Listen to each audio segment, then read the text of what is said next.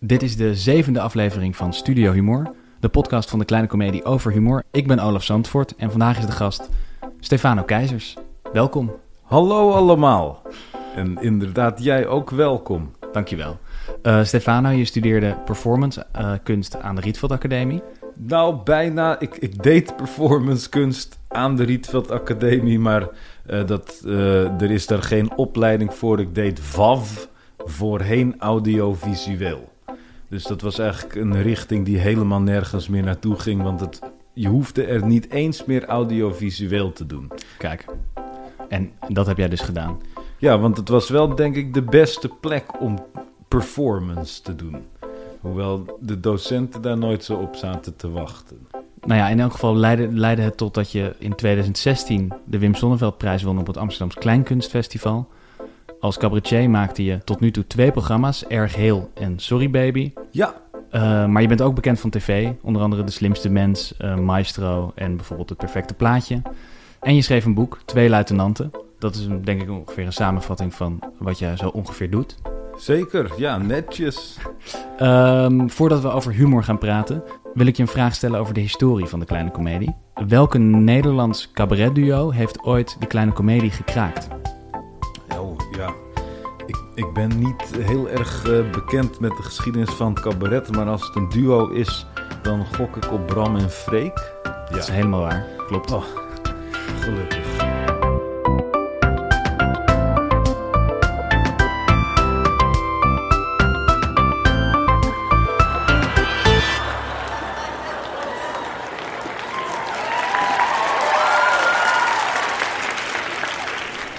Is humor? Nou ja, dat is leuk dat je dat vraagt. Um, zeker omdat ik me afvraag of ik daar de expert van ben. Want ja, uh, ik, nee, oké. Ik, ik ga het anders aanpakken. Ik heb, er, ik heb er lang over nagedacht, daarom blokkeer ik een beetje. Want ja, waar moet je beginnen in zo'n verhaal? Maar ja, humor is niet het tegenovergestelde van tragedie, maar het verlengde daarvan.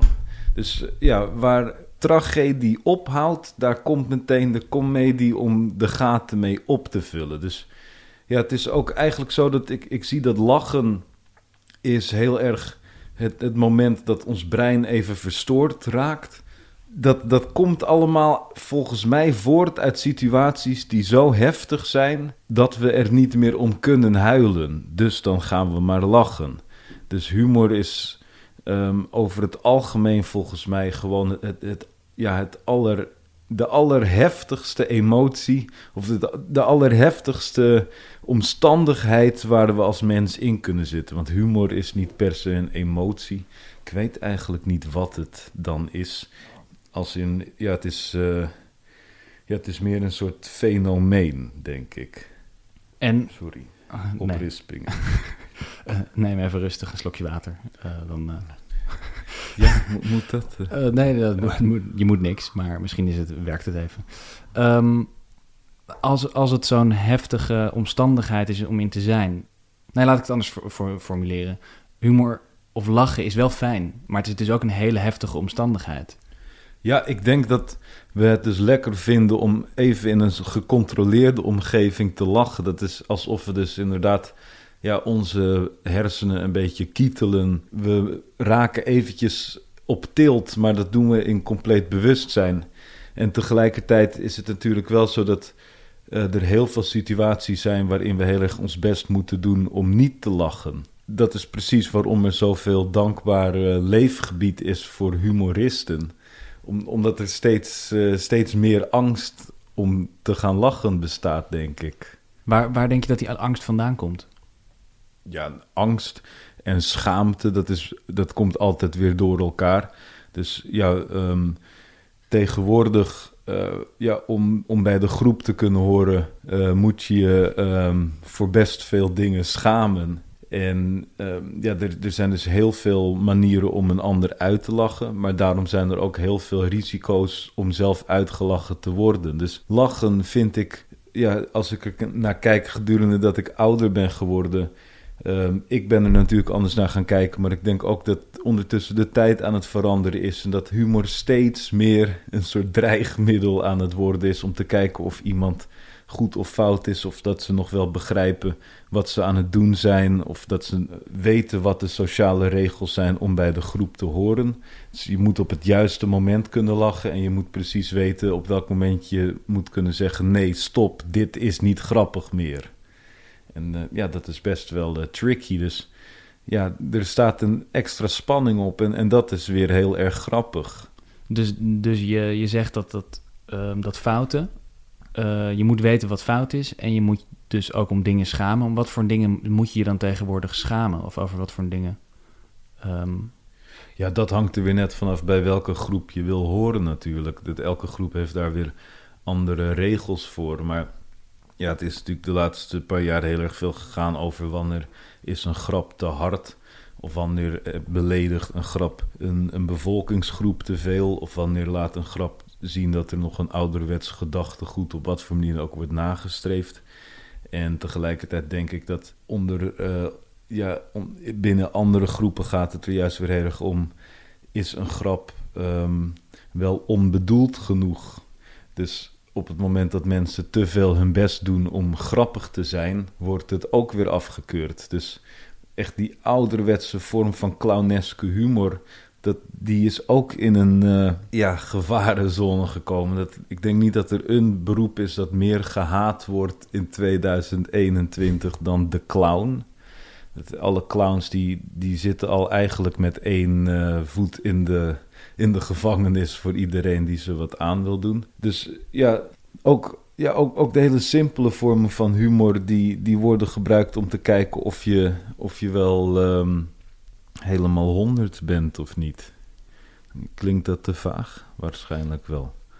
Ja. Nou ja, ik weet niet of het te vaag klinkt, maar um, bedoel je met de clown de klassieke clown? Of bedoel je de clown overdrachtelijk? Ja, allebei. Kijk, eh, de klassieke clown, die wordt in horrorfilms gebruikt. Daar is iedereen bang voor. Als je niet bang bent voor clowns, dan hoor je er niet meer bij. Maar ik denk dat ook binnen het hele specifieke cabaretgebied de mensen die zich zo clownesk mogelijk gedragen, die worden dan door de modernere sferen in het cabaret uh, worden ze afgekeurd. Heb je daar een voorbeeld van? Van mm, um, de mensen die worden afgekeurd binnen de moderne sfeer? ja, name dropping. Nou ja, um, ik denk, eh, waar ik het meest misschien iets over kan zeggen, is dat ik, ik ben op dit moment, terwijl we dit aan het opnemen zijn, een voorstelling aan het maken samen met Tineke Schouten. Ik denk dat zij wel iemand is die daar meer mee te maken heeft dan ik. Dat, uh, ja, Tineke Schouten kan veel meer publiek in de zaal trekken dan ik. Maar waarschijnlijk zijn er veel minder mensen binnen de cabaretwereld die durven te zeggen dat ze haar grappig vinden. Puur omdat ze heel erg bij een vakmanschap blijft. Van humor zoals we hem ooit gekend hebben. Ja, en ja, ja dus dan um, uh, bedoel je dat Tine, Tineke Schouten dus door uh, de moderne cabaretsfeer er niet helemaal bij hoort? Of binnen die cabaretsfeer? Ik denk dat het moeilijk is om tegelijkertijd van Tineke Schouten en van mijn vorm van humor te houden. En juist daarom vind ik het heel interessant wat voor mensen er dan gaan houden van een product dat we met z'n tweeën maken. Omdat het voelt alsof ook dus de, de kwaliteit van humor of, of de richting die de humor opgaat, dat ook dat ja, verzuild aan het raken is. Dat is ja, als je naar de ene voorstelling gaat, dan, dan vind je het andere bij wijze van spreken niet meer leuk. En dat, dat is ook heel logisch. Iedereen heeft een smaak in humor. Maar dat is op dit moment ja, best wel bekrompen, denk ik. Dus iedereen heeft een smaak, maar heeft iedereen uh, gevoel voor humor? Nou, ik zie het meer andersom. Ik denk dat iedereen, letterlijk iedereen, in staat is om per ongeluk grappig te zijn. En dat is ook het enige belangrijke punt dat ik hier vanmiddag wil maken. Dat ik in het algemeen heel erg geloof dat onbedoelde humor per definitie grappiger is dan geplande humor. Op het moment dat iemand graag een grap wil maken en die heeft erover nagedacht, dan zit er al een soort laagje vernis op. Maar op het moment dat er toevallig iets gebeurt dat heel erg grappig is, of op het moment dat iemand zichzelf heel erg serieus neemt, maar daardoor blind wordt voor de situatie waardoor er iets grappigs ontstaat, dat, dat is echt magische humor. Ik denk dat hoe, hoe minder mensen in ja, jouw beleving een, een, eh, een, goed gevoel voor humor hebben, ehm, ja, hoe groter de kans bijna dat ze zichzelf op een bepaald moment te serieus nemen en daardoor heel erg grappig zijn. Maar ja, ik denk wel dat ja, niet iedereen is uh, altijd in staat om een grap die om hen heen gebeurt leuk te vinden. Om maar weer uit eigen ervaring te spreken, een, een deel van mijn publiek vindt mijn voorstelling leuk. En per definitie vindt daarom een andere deel van het publiek mijn voorstelling ongelooflijk irritant en kut. Dat is ook een beetje zo dat ik, ik denk aan het begin van een relatie vindt mijn partner me altijd heel erg grappig. Maar gaandeweg de relatie wordt het steeds minder grappig om de hele dag door geprikkeld te worden en in een soort vervelende, ja, uh, anti-dialogen terecht te komen. Zoals jij nu ook zit. Um, wat bedoel je met die anti-dialoog? Ja, dat ik dus inderdaad om maar te proberen grappig te zijn of om maar te proberen het gezag te ondermijnen of te zorgen dat dat we onszelf niet te serieus gaan nemen, probeer ik altijd overal tegen in te gaan. Dus bij bijna elke vraag zoals je werkt, ga ik zoeken naar een manier om het niet te beantwoorden zoals jij wil dat ik het beantwoord. Maar hoe, hoe denk je dan dat ik uh, wil dat je de vragen beantwoordt? Ja, dat, dat is veel moeilijker te zeggen. Um, ja, ik, laat ik het zo zeggen. Ik, ik probeer gewoon heel erg ehm, bij, bij alles wat ik doe. weer net even uh, de situatie anders aan te snijden. zodat er toevallig iets voorbij kan komen. En ik denk dat als ik iemand aan het versieren ben. Uh, dan ben ik heel erg bezig met iemand ja, bewust te maken van zichzelf. want dat is iets waar we in het algemeen snel om zouden lachen. En uh, gaandeweg wordt, wordt dat kritiek en wordt dat niet meer leuk om naar te luisteren. En dat is het ook zo. Ik denk als ik geen voorstelling van anderhalf uur zou maken, maar van vijf en een half uur, waarin ik vijf en een half uur lang het publiek uh, kritische dingen voorhoud, dan op een moment worden ze er echt helemaal gek van. Um, dus dat, dat bedoel ik denk ik met de anti-dialoog. Dat ik altijd bezig ben om te reflecteren. Um, maar ja, dat, dat is dus niet uh, per definitie grappig. Alleen ik denk dat als je geconfronteerd wordt met iets, dan is vaak uh, de eerste reactie die mensen hebben lachen. Um, omdat het sociaal niet geaccepteerd is om direct te gaan huilen. Maar ja, als, je, als je te veel geconfronteerd wordt, dan, dan vergaat het lachen je. Ja, hier ben jij dus dagelijks mee bezig, met, met, met, het, um, met die anti-dialoog en het, en het zo proberen te stellen. Um, um, wat betekent humor daarin voor jou? Ja, humor is een heel erg goed verdedigingsmechanisme. en humor is dus ja, vaak de perfecte schietstoel om uit een situatie te geraken die, uh, die te gevaarlijk is geworden. Maar ja, humor is ook letterlijk het enige dat we hebben om de waarheid nog mee te kunnen vertellen. niemand is ooit geïnteresseerd om een letterlijke kritiek op zichzelf te horen. En, en op het moment dat mensen kritiek op zichzelf krijgen, en dan spreek ik ook echt vooral namens mezelf, dan is mijn reactie in eerste instantie boosheid. En dan, dan ga ik het juist erg ontkennen. De, de, de zachtste en, en daarom denk ik meest effectieve manier om een boodschap bij een ander te krijgen, is het te doen verpakt in een grap. Zodat iemands eerste reactie al is geweest dat ze hebben gelachen. Zodat het daarna moeilijker wordt om het nog boos te gaan ontkennen.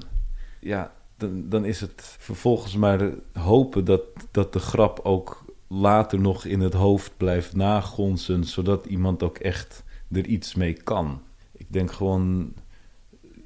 Ja, ik, ik, ik, ik denk echt dat, dat het, het maken van grappen vaak de beste manier is om eh, om jezelf eh, van gevaar eh, ehm, te ontzien.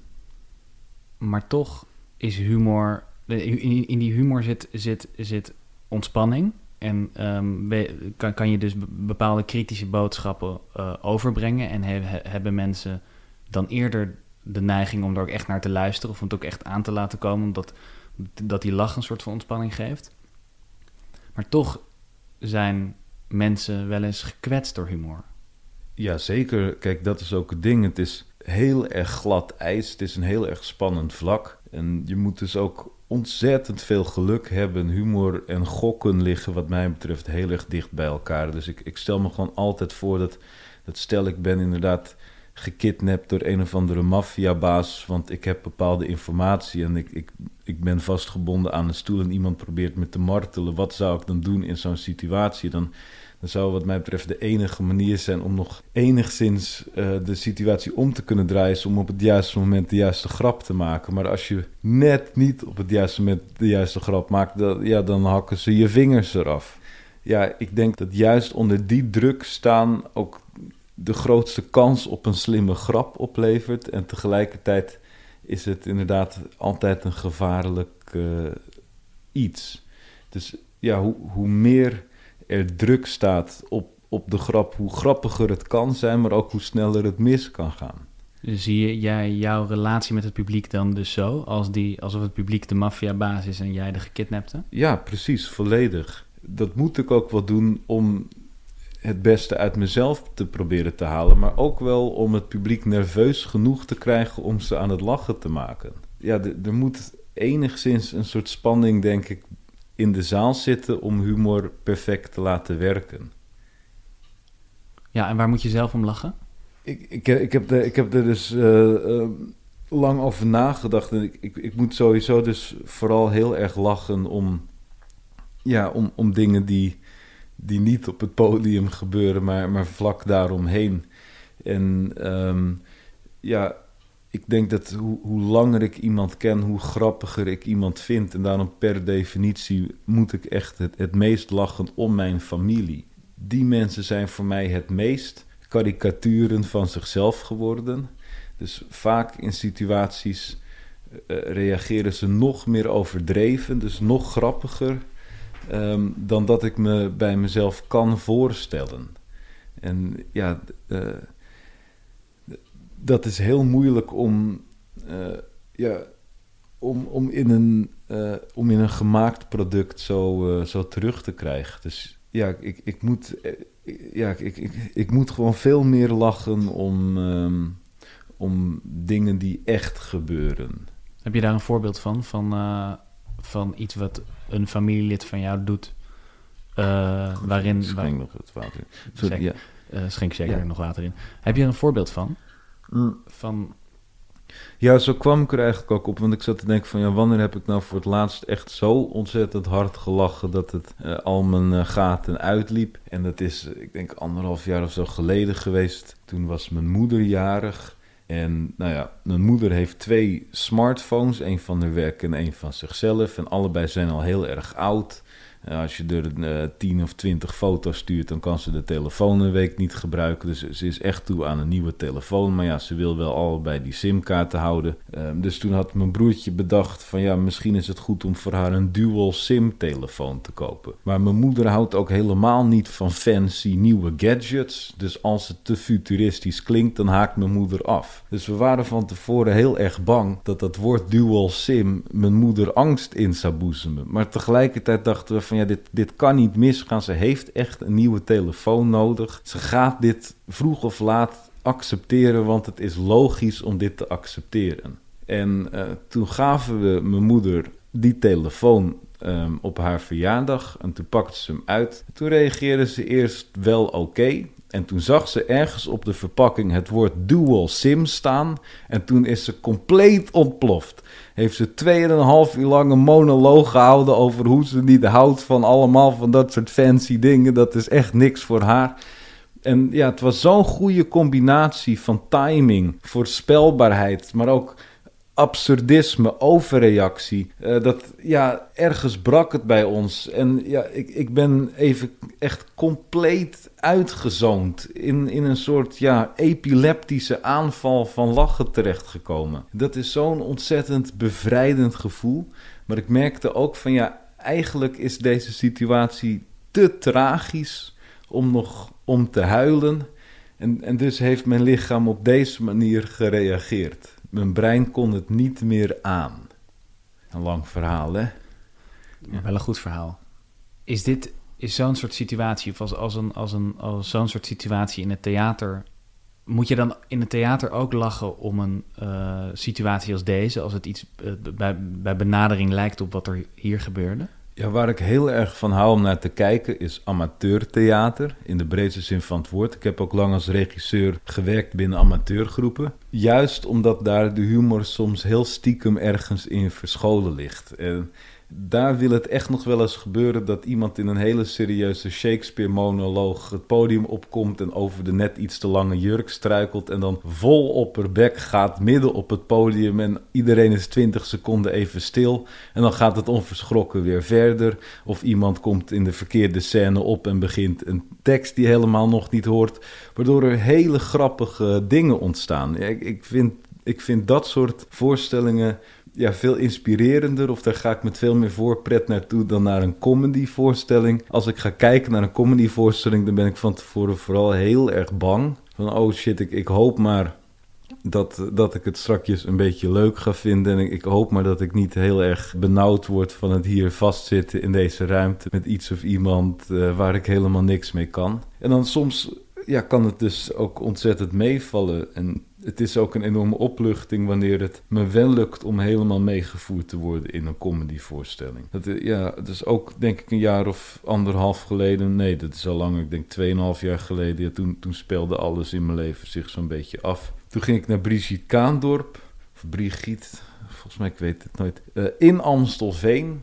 De hele zaal zat vol met vrouwen van Brigitte Kaandorp haar leeftijd, die met haar waren opgegroeid en kinderen hadden gekregen met de conferences van Kaandorp in hun hoofd. En die hele zaal die voelde zo ongelooflijk mee met wat zij allemaal aan meemaken was. Dat, dat was op een hele hartverwarmende manier ook echt hilarisch. Want iedereen herkende zich echt in de tragedie waar ze over vertelde. Dus ja, soms gebeurt het ook wel bij zo'n soort voorstelling. Ja, de, dus dan um, wordt het publiek bijna familie van de op, optredende uh, theatermaker of cabaretier. Ja, en het publiek is ook altijd gewoon het bewijs dat iets echt grappig is. Hè? Dat als, als iedereen zich hierin herkent, ja, dan, dan is er een, een tragische situatie goed opgemerkt en goed vertolkt. Ja. ja, dus als jij optreedt zelf dan zie je het publiek als de maffia die jou... en dan ben jij de gekidnapte. Maar als je in de zaal zit zelf... dan vind je eigenlijk het, het leukst als, als het voelt als een soort uh, familie eigenlijk. Ja, precies. En kijk, het, kan heel erg intimiderend zijn om in een zaal te zitten... waar iedereen ergens om moet lachen en jij niet. Uh, ja, ik, ik denk dat het gewoon heel erg fijn is om te zien dat een artiest op het podium erin slaagt om alle mensen ergens bij te betrekken.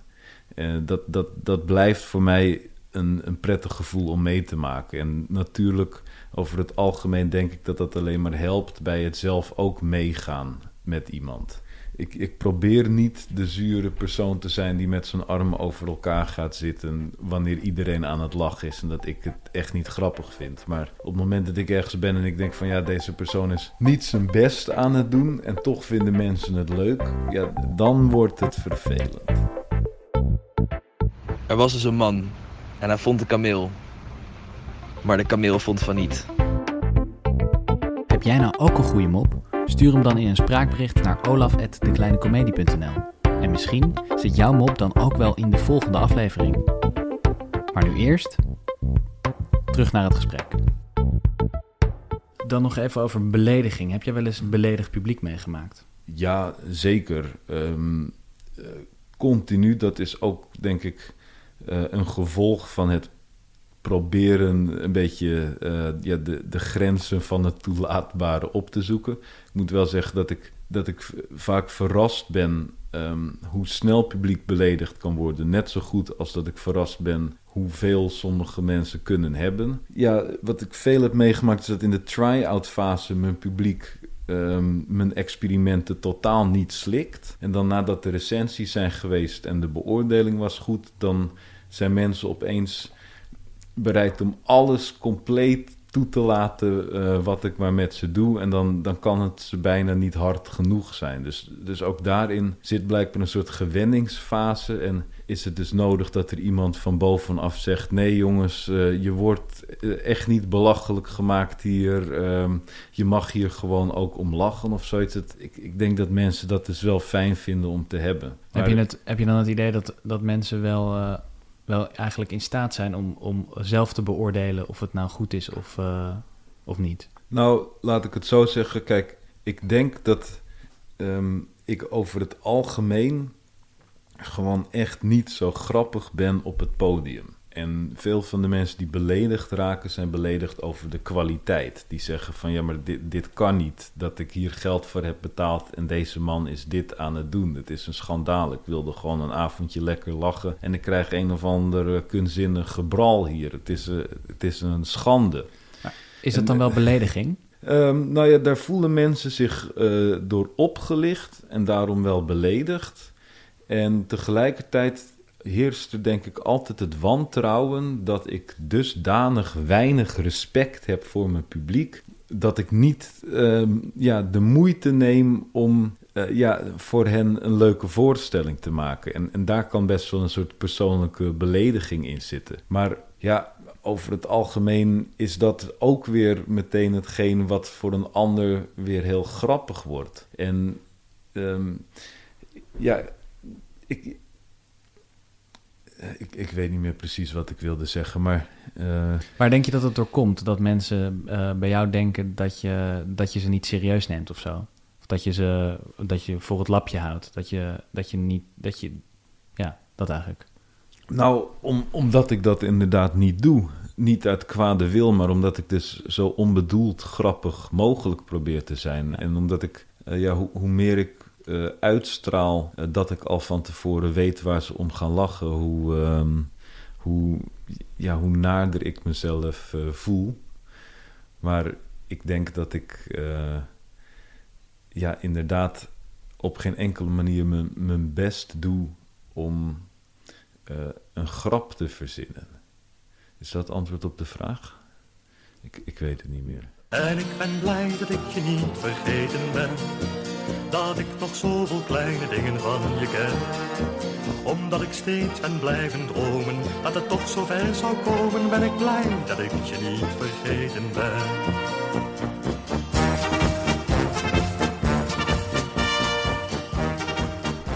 Dat was Joost Nuisel, oud-directeur van de Kleine Comedie. Beetje Boudewijn de Grootachtig. Ja, hij, hij, hij zong Ik ben blij dat ik je niet vergeten ben. En daarom wil ik van jou weten, van wie ben jij blij dat je die niet vergeten bent? Oftewel, wie is jouw grootste inspirator op het gebied van humor? Ja, nou, dat is al een aantal keer eh, langsgekomen. Ik kreeg inderdaad een week geleden deze vraag. En ik vond het een hele lastige vraag om te beantwoorden, omdat die ook erg de essentie raakt van hoe ik mijzelf eh, presenteer, denk ik, als comedian. Dus in eerste instantie dacht ik, ja, ik wil iets als, als Mark Rutte of zo zeggen. En het is zo'n leuk politiek statement.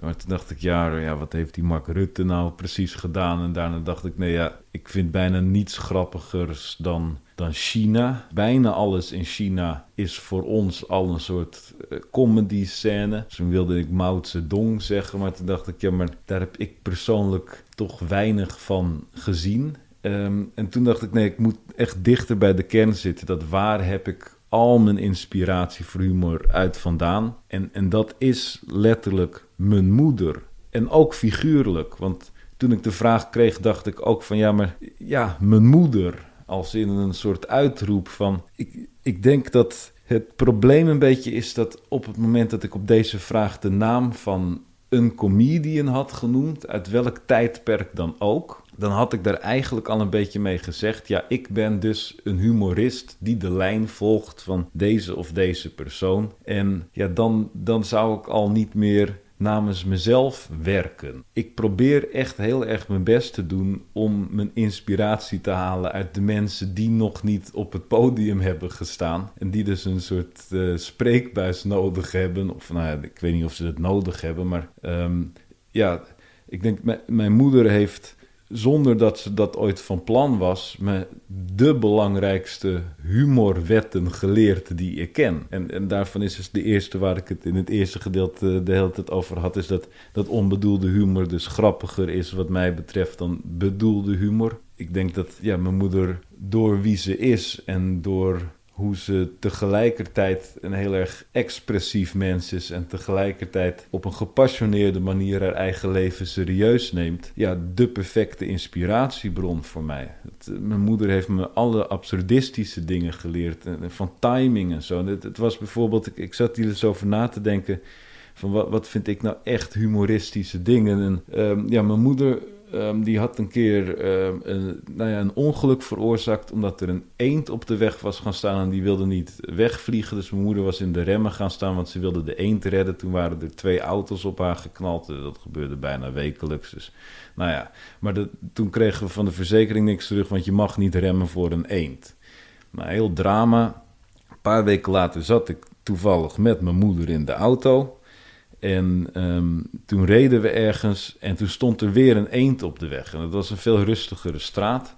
Maar mijn moeder had echt nog een appeltje te schillen met de eenden. Dus mijn moeder stapt weer op de remmen, stapt uit de auto en begint een kwartier lang die eend uit te schelden en allemaal dingen wijs te maken over hoe haal je het in je hoofd om zo te doen. Zie je dan niet dat er een auto voorbij komt, maar ook echt die eend terecht te wijzen van uh, je moet niet op dit soort plekken gaan staan, je moet daar gaan staan. En die eend die was heel erg geschrokken naar haar aan het luisteren en, en die liep na een kwartier ook een beetje met het kopje naar beneden inderdaad weer terug de struik in. En toen stapte mijn moeder in en ze reed weer verder. Ja, ik, ik denk dat is dat is wat mij betreft de kern van humor. Dat iemand zelf de realiteit niet meer inziet en tegelijkertijd zich zo vrij voelt om, dat te doen. En dat ik er gelukkig bij was als een toeschouwer om in te zien dat er een hele bijzondere situatie plaatsvond. Dus ja, ehm, daar ligt wat mij betreft de inspiratie die, ehm, ja, die, die nodig is om, een voorstelling mee te kunnen maken. En je bent al heel erg lang stil, maar dat ligt aan dat ik ook bijna niet onderbroken kon worden, omdat het punt er maar telkens niet van kwam.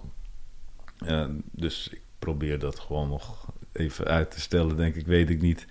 Maar um, ja, ik, ik, denk dat over het algemeen je deze vraag stelt om te weten naar wat voor uh, comedy shows ik heb gekeken in het verleden om de ambitie te vinden om op het eh, podium te gaan staan? Ehm, nou, niet per se. Het is inderdaad zo dat, dat uh, tot nu toe veel mensen hebben familieleden gezegd. Ja. Um, alleen dan, dat was dan een eerste antwoord en dan was de inspirator was dan een, kan, de, kon een comedian zijn of een schrijver of een, dus iemand een, uh, die, die ze niet persoonlijk kenden. Ja. Uh, maar voor heel veel mensen zijn natuurlijk een heleboel mensen inspiratoren. Maar um, ja, als voor jou je moeder inspirator is, dan is dat natuurlijk gewoon zo. Um, maar hoe heet jouw moeder? Nou, dat is heel grappig, want mijn moeder wil eigenlijk niet publiekelijk bekend worden. Uh, maar daarom, nou, dat bewijst denk ik mijn punt dat het niet alleen maar een soort grap is om er snel van af te zijn. Dat mijn moeder had eerder een artiestennaam dan ik. Niet omdat ze zelf uh, veel op het podium heeft gestaan, maar ze speelde wel eens in filmpjes die ik maakte uh, in, uh, ja, in mijn tiener- en kunstverleden. En dan wilde ze niet dat mijn oma zag dat ze in rare filmpjes speelde. Dus ik zal mijn moeder dan ook nu noemen bij haar artiestennaam. En dat is Tineke Bosland. Kijk. Ja. Is jouw moeder dagelijks bezig met humor, voor je gevoel? Of, of zit die humor vooral in jouw hoofd van wat zij doet? Um, ja, dat, dat is moeilijk te zeggen. Ik denk inderdaad dat mijn moeder wel dagelijks bezig is om grappiger te worden. Uh, ja, wat betreft inspiratie uh, halen uit een, uh, uit een andere persoon. Um, kijk, dat, dat gaat volgens mij ook heel erg over eh, wat voor theatervorm je vervolgens wil kiezen om een grap te maken. En wat, wat mijn eh, probleem of mijn vloek een beetje is, is dat ik, ik dus heel erg mijn best doe, of mijn best wil doen, om een eh, grappige voorstelling te maken op een manier zoals niemand anders het doet. Want waarom zou ik een voorstelling maken die iemand anders ook kan maken? Want dan is die van mij sowieso slechter dan die andere. Ehm, maar dat is onmogelijk. Dus wat ik ook probeer, het gaat altijd weer ergens op lijken. Dus, dus de laatste tijd ben ik heel erg bezig geweest met een soort ja, anti-mezelf strijden uh, in het schrijfproces voor een nieuwe voorstelling. En ja, daardoor begint het nu opeens weer heel erg op Bo Burnham te lijken. Ik ben nu al bang dat mensen mijn nieuwe voorstelling gaan zien en dan gaan zeggen van... oh, die heeft waarschijnlijk op dit moment als grote inspirator Bo Burnham.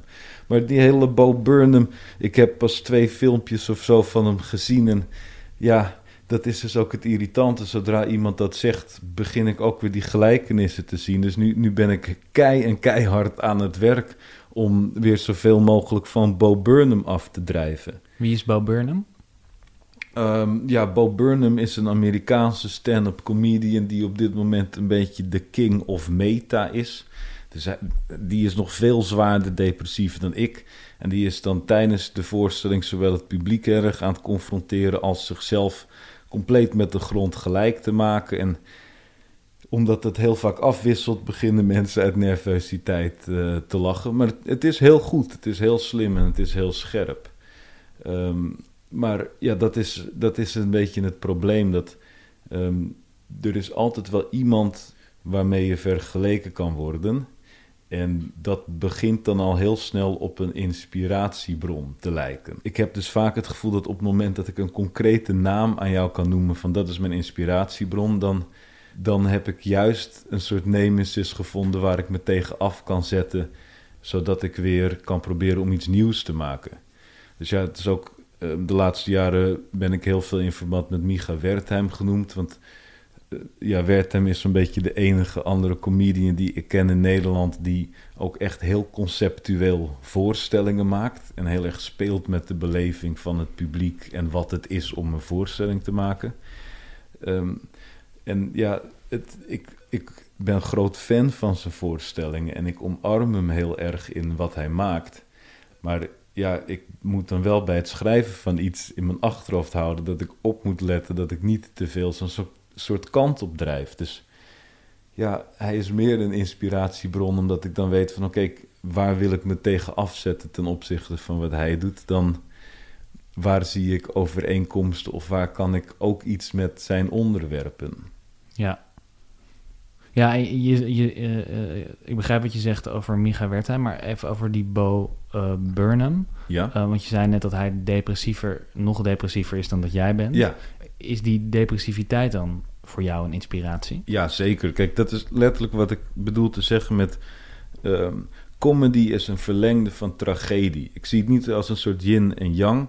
maar ik denk dat uit elke tragedie is een comedy te kneden. Je kunt elke hele nare situatie uh, ja, omdraaien tot iets dat juist weer grappig wordt. Of iets waar in elk geval vanuit een soort wanhoop om gelachen kan worden. Maar ik, ik zeg het ook wel gekscherend. Ik, ik, ja, het, het woord depressie is, is bijna voor mij een, een 100% humoristisch woord of zoiets geworden. Omdat ik het gewoon al bij voorbaat een grappig idee vind om als depressief persoon een comedy voorstelling te maken. Dus anderen te, aan het lachen te krijgen terwijl je zelf helemaal nergens om kunt lachen. Ja, dat, dat soort tegenspraak, eh, dat soort hypocrisie, daar zit wat mij betreft heel veel grap in. Ja, terwijl ik ook in wat je vertelt hoor dat humor per definitie um, voortkomt uit leed eigenlijk. Ja, exact. Dus dat is ook het hele ding. Um, ik denk dat je pas echt een goede grap kunt verzinnen op het moment dat je ergens echt veel pijn in hebt gevoeld. Omdat je dan pas goed genoeg kunt relativeren om iets tegen een ander te zeggen wat, wat, ja, scherper is dan wat die ander zelf heeft kunnen verzinnen of iets dergelijks. Dus nou, het mooiste voorbeeld hiervan van hoe dun die scheidingslijn is, hoe, grijs het hele gebied van de humor is, vind ik. eh, nou ja, vroeger heette dat Funniest Home Video's. Daarna heette het Lachen om Home Video's, wat ook weer een hilarische titel is eigenlijk. Want dan zegt de titel, probeert letterlijk aan te tonen wat het programma doet, terwijl het het precies is wat het niet doet, want je ziet helemaal niet de mensen erom lachen. En nu heet het Fail Compilations, dus gewoon allemaal van die video's van mensen die op een motor zitten en in een ravijn rijden, of een kind op een schommel dat zichzelf lanceert 10 kilometer vooruit. En dat zijn filmpjes die daar zie je dus mensen vaak verongelukken. Maar op de een of andere manier zit er iets grappigs in. Of als je ze met een grappig muziekje achter elkaar zet, dan lachen we er allemaal om. En tegelijkertijd eh, zijn het eigenlijk de meest tragische dingen die maar kunnen gebeuren. We zien allemaal mensen heel veel pijn hebben, heel veel schade eh, eh, krijgen. En soms komt er in die filmpjes een ongeluk voorbij dat zo heftig is dat we opeens weer stoppen met lachen. Dat is volgens mij precies de kern van humor en leed dat ja, je hebt toch een ongeluk nodig om die ontlading daarna te krijgen. Maar het moet weer niet te heftig worden, want dan vergaat de grap. Vind jij zelf die ehm, funniest home video's, of hoe, hoe ze ook heten, veel compilations leuk? Moet je er zelf om lachen? Nou ja, eh, dat is oncontroleerbaar. Ik denk dat ja, ik ben net zo goed een dier dat instinctief op dingen reageert. Dus over het algemeen ben ik niet van plan om te lachen om iemand die verongelukt. Maar ja, in de juiste situatie, als ik zo'n filmpje voorgeschoteld krijg, dan kan het heel grappig zijn. Ik, ik hou heel erg, het heet ehm, Watch People Die Inside. Dat is een soort zijspoor van de eh fail compilations. Dat zijn dus ja, bijvoorbeeld een nieuwslezer die zich op precies het verkeerde moment verspreekt. Of iemand die tijdens een reportage de sloot inloopt. Of weet ik wat. Dat, dat vind ik echt heel erg grappig. Want dan zie je dus iemand met een heel erg strak, serieus gezicht zijn best doen om representatief te zijn. En er gaat iets compleet mis. Dat raakt heel erg mijn gevoel voor humor. Maar als ik daar te veel van kijk, dan denk ik weer van ja, maar ik ben hier allemaal mensen aan het uitlachen. En dit zijn eigenlijk allemaal mensen die gepest worden omdat ze per ongeluk iets stoms doen. En ja, dan ga ik me toch ook wel weer een beetje fout voelen. Ja, en toch is je moeder je grootste inspirator. Ehm, komt dit dan overeen? Dat, dat, dat, dus het falen van de mens in wat, jij, wat, je, wat, wat jou zo aanspreekt in jouw moeder? Eh, ja, zeker. Dat is een mooie vraag. En dat is ook. Nou ja, ik denk niet dat mijn moeder gefaald is als mens. Mijn moeder zou heel erg trots op zichzelf mogen zijn. Maar ik denk wel dat zij, wat, wat comedy betreft. eh, eigenlijk precies dat samenvat. Ze kan snel in een situatie geraken waarin ze niet tevreden is. En dat is dus ook zo, nou ja, ik, ja, het is heel moeilijk om mijn moeder in één of twee anekdotes zo vorm te geven. Maar, maar zowel bij die eend als bij de dual sim telefoon was er eigenlijk heel veel humor aanwezig, omdat mijn moeder heel erg principieel voor zichzelf op wil komen, dusdanig dat er een absurdistische situatie ontstaat. En, en dat is natuurlijk heel erg zielig voor mijn moeder. Dat is ergens heel tragisch. Eh, Ja, ik, ik zie haar ook als een soort Don Quixote die altijd tegen de windmolens invecht. Vind je dat inspirerend, dat iemand ehm, tegen de stroom in eh, gaat? Ja, dat is wat mij betreft precies wat een inspirator behelst. Iemand die jou kan laten zien, hey, het kan ook anders, het kan ook meer op jouw manier. En voor mij was het gewoon een artistieke bevrijding of een, het, artistieke het licht zien toen ik dacht, ja, ik, ik moet niet eh, inderdaad gaan kijken naar wat voor comedy shows er bestaan en een, een kleur uitkiezen die ik ga nadoen. Maar ik moet de dingen waar mijn broers en ik eindeloos om hebben kunnen lachen, maar die, die nog nooit op een podium gedaan zijn, die, die moet ik gaan proberen vorm te geven en te gaan vertolken. Daar zit een, een waarde in die ik te brengen heb.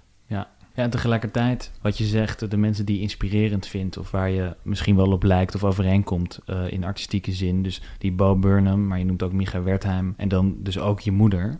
die vind je dan dus interessant omdat ze op een bepaalde manier tegen de richting inzwemmen... maar jouw reactie daar dan op is weer tegen hun inzwemmen, omdat je ze gaat zien als een soort nemesis. Ja, en alles gaat telkens tegen elkaar in, maar ik, ik moet ook daar weer een, een, een, verduidelijking, in, een verduidelijking in inbrengen. Ah, Een I, In aanbrengen. I, N, I, N achter elkaar. Ja. Ja, dat, dat, nou ja, gebeurt niet vaak. Kijk, ehm, ik zou eerder zeggen dat ik door Tineke Schouten geïnspireerd raak dan door Micha Wertheim. Waarom? Omdat Tineke Schouten qua humor heel ver buiten mijn kennisgebied en comfortzone ligt. Ook als ik een filmpje kijk van Tineke Schouten, dan moet ik ook echt me heel erg aanpassen om de humor erin te zien, omdat het zo ver van me af ligt. Maar daarom gaat het me hoe dan ook helpen om mijn eigen inzicht in humor te verbreden. Terwijl Bo Burnham of Micha Wertheim, dat zijn mensen waar ik het eigenlijk al van tevoren mee eens ben. Dus, dus die gaan me niet verder helpen. Dat zijn ook beide mensen eh, waarvan ik ik, ik heb eerst iets gemaakt en vervolgens linkte iemand mij aan hen. Dus het is een inspiratie achteraf, om het zo maar te zeggen. Eh, dus dan ben ik veel meer eh, naar een voorstelling van Micha Wertheim aan het kijken... met het idee van eh, wat voor dingen gaat hij doen... en als het raakvlakken heeft met wat ik aan het schrijven ben... moet ik misschien wel iets omschrijven... om te zorgen dat niet straks iedereen gaat zeggen... oh, daar heb je de zoveelste Micha Wertheim-achtige of zoiets. Dus Micha Wertheim is, is letterlijk een inspiratiebron om voor mijzelf te leren wat mijn territorium is als cabaretier. Er zijn bepaalde dingetjes waar, waar ik kan komen waar hij niet mag komen en, en vice versa. Bijvoorbeeld het is zo dat Micha Wertheim kan absoluut niet dansen. Dat geeft hij ook aan me toe. En dus heb ik best wel vrij spel in mijn voorstellingen om er een dans in te gooien. Dus ja, daar is Micha dan weer best wel jaloers op, geloof ik. Die had ook graag een keer een dans willen doen, maar, maar die zal dat nu alweer minder snel doen, want, want ik doe al een dansje. En zo zijn we de hele tijd die kleine ruimtes waar een grap ligt, ja, aan het onderverdelen met z'n allen. Heb je het eh, persoonlijk met hem daarover? Nou, niet letterlijk over, oh, we moeten oppassen dat we op elkaar lijken. Ik denk dat, ja, eens in de zoveel tijd spreek ik hem. En dan zijn we het gewoon heel veel met elkaar eens. En we tippen elkaar dingen waarvan we van tevoren weten, oh, dat gaat de ander ook heel erg leuk vinden. En vaak kennen we het al allebei. Eh, dus het is erg een soort bevestiging dat we op een soortzelfde manier nadenken over humor en het vak. Maar ik vind het helemaal niet een interessant gesprek om te voeren met hem van... oh, ik, ik wil niet dat we te veel op elkaar gaan lijken. Zo is het helemaal Maar over dat dansen? Dus de, de- de- Oh, nou ja, dat- inderdaad. Ja, nou, en dat is ook het leuke eraan. Dat het is voor mij bijna een soort sport geworden om scènes te verzinnen waar, waar Micha jaloers op kan zijn. Eh, omdat ik dan denk van ja, dan ben ik dus inderdaad iets aan het doen. Iets, iets nieuws op het conceptuele vlak. Dus op het, op het een beetje kijken van ja, hoe, hoe kan ik weer op een nieuwe manier het publiek op een verkeerd been zetten of verrassen of voor de gek houden. Al- Als, als ik dan een scène bedenk waarvan Micha Wertheim bijvoorbeeld zegt: Oh ja, daar was ik nog niet op gekomen of eh, ik had dat nog niet aangedurfd. Dan ben ik heel erg trots op mezelf. Want dan, dan heb ik het gevoel dat ik dus verder het onbekende terrein op ben gestapt dan hij. Eh, Maar dat is volgens mij nog nooit zo letterlijk gebeurd. Ja, en is de, is de kern misschien dan van, van jouw humor of jouw inspiratie, misschien wel van wie jij bent, dan eigenlijk gewoon de tegenstelling?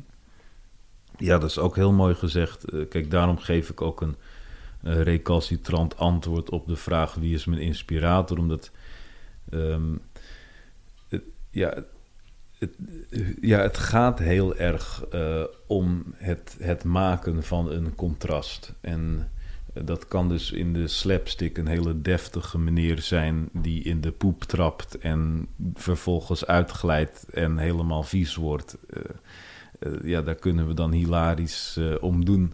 Maar ja, dat is, het is net zo goed dat ik een hele erg intellectuele theatermaker wil zijn die op een bepaald moment totaal in de war raakt met zijn eigen ideeën en experimenten, waardoor je weer staat te kijken naar iemand die compleet het spoor bijster is en dan bij jezelf gaat denken waar ben ik terecht gekomen en er dan weer om moet gaan lachen. Vind je, het, vind je de, het zijn van jouw moeder als inspirator eh, dan een recalcitrant antwoord op die vraag? Want dat noemde je net, geloof ik. Nou ja, het is, een, het is een recalcitrant antwoord omdat het niet helemaal voldoet aan de opdracht. Want mijn moeder heeft nooit op het podium gestaan, heeft geen voorstelling gemaakt. Dus ja, zij kan eigenlijk in theorie niet iemand zijn waar ik mijn voorstellingskunsten uit heb geput. Ja, Ehm, op die manier. Kijk, dat is ook. eh, Dat, dat, ik, ik weet, we zijn al eh, over de tijd heen, maar ehm, dat, dat is één laatste ding wat ik graag nog binnen de context van humor eh, wil zeggen, is dat ik me afvraag of humor dus iets is ehm, eh, dat je aan kunt leren of waar je voor opgeleid moet zijn. Het ligt wat mij betreft in het verlengde van eh, de pop- en rock-academies. Ik denk dat je, je hebt een conservatorium nodig, dus een plek waar je een techniek over een instrument leert. Maar om iemand echt te leren om rock and roll te zijn, dat is wat mij betreft dus extreem tegenstrijdig en bijna grappig. Dat je dus op op een opleiding jezelf als authentiek en losgeslagen projectiel gaat proberen te profileren. En hetzelfde geldt wat mij betreft voor humor. Ik, ik denk niet dat een, een academie een juiste plek is om te leren grappig te zijn. Tenzij je heel veel inspiratie kunt putten uit hoe extreem serieus iedereen zich neemt en hoe erg iedereen zijn best doet om op een technische manier de humor uit het publiek maar te kunnen trekken en duwen. Dus ja, hetzelfde is het, dat, daarom doe ik ook graag mee aan dit gesprek. Dat, uh, ik denk niet dat het de humor ten goede komt om te praten over wat humor is. Ja, een grap uitleggen maakt een grap vaak dood. Maar hoe meer comedians gaan nadenken over waarom ze nou grappig zijn, hoe, hoe eerder ze in een existentiële crisis terecht gaan komen. Dus ook, ook dat vind ik dan weer hilarisch, dat we, nu dat het theater dicht is, ja, zo'n serieus gesprek voeren over iets dat puur bedoeld is om ons te laten lachen. Vind je dan een geslaagd gesprek? Ik raakte een paar keer wel, wel heel erg verwikkeld uh, in mijn eigen uh, brei van woorden en uh, gedachtenkronkels. Um, tussen al die dingen door heb ik de dingetjes die ik wilde zeggen wel kunnen zeggen. Maar um, ja, ik, ik merk gewoon dat ja, humor is zo'n onaantastbaar iets, maar ook voor mij zoiets ingewikkelds dat uh, ja, vanaf het moment dat ik wist dat we dit gesprek gingen voeren, gingen er duizend en stemmetjes door mijn hoofd. En dan van, oh, ik moet niet vergeten om, dat nog te zeggen. En oh ja, ik, wil hier echt tegen ingaan. Want, uh, en ja, dat, uh, ja, dat heeft zich hier heel erg geuit. Mijn verwarring erover over het onderwerp. Ja, mooi. Dit was Studio Humor. Mijn naam is Olaf Zandvoort en te gast was Stefano Keizers. Je kan deze podcast sterren geven. Hoe meer, hoe beter natuurlijk. Je kan ook abonneren en deel de podcast met al je vrienden en familie. Hou www.dekleinecomedie.nl in de gaten voor de kaartjes. Ook voor de kaartjes van Stefano natuurlijk, want dat is waar we het allemaal voor doen. Volg De Kleine Comedie op Instagram, Facebook en Twitter. En wil je nou helemaal niets meer missen? Abonneer je dan op de nieuwsbrief. Dat kan ook via de site. De vormgeving is gedaan door Doris Konings. De muziek is van Brand Pijenteunis. En alle aangehaalde voorbeelden zijn te vinden in de show notes. Ga dat dus zeker even bekijken. En dan rest mij nu niks anders nog te zeggen dan... bedankt voor het luisteren en tot de volgende keer.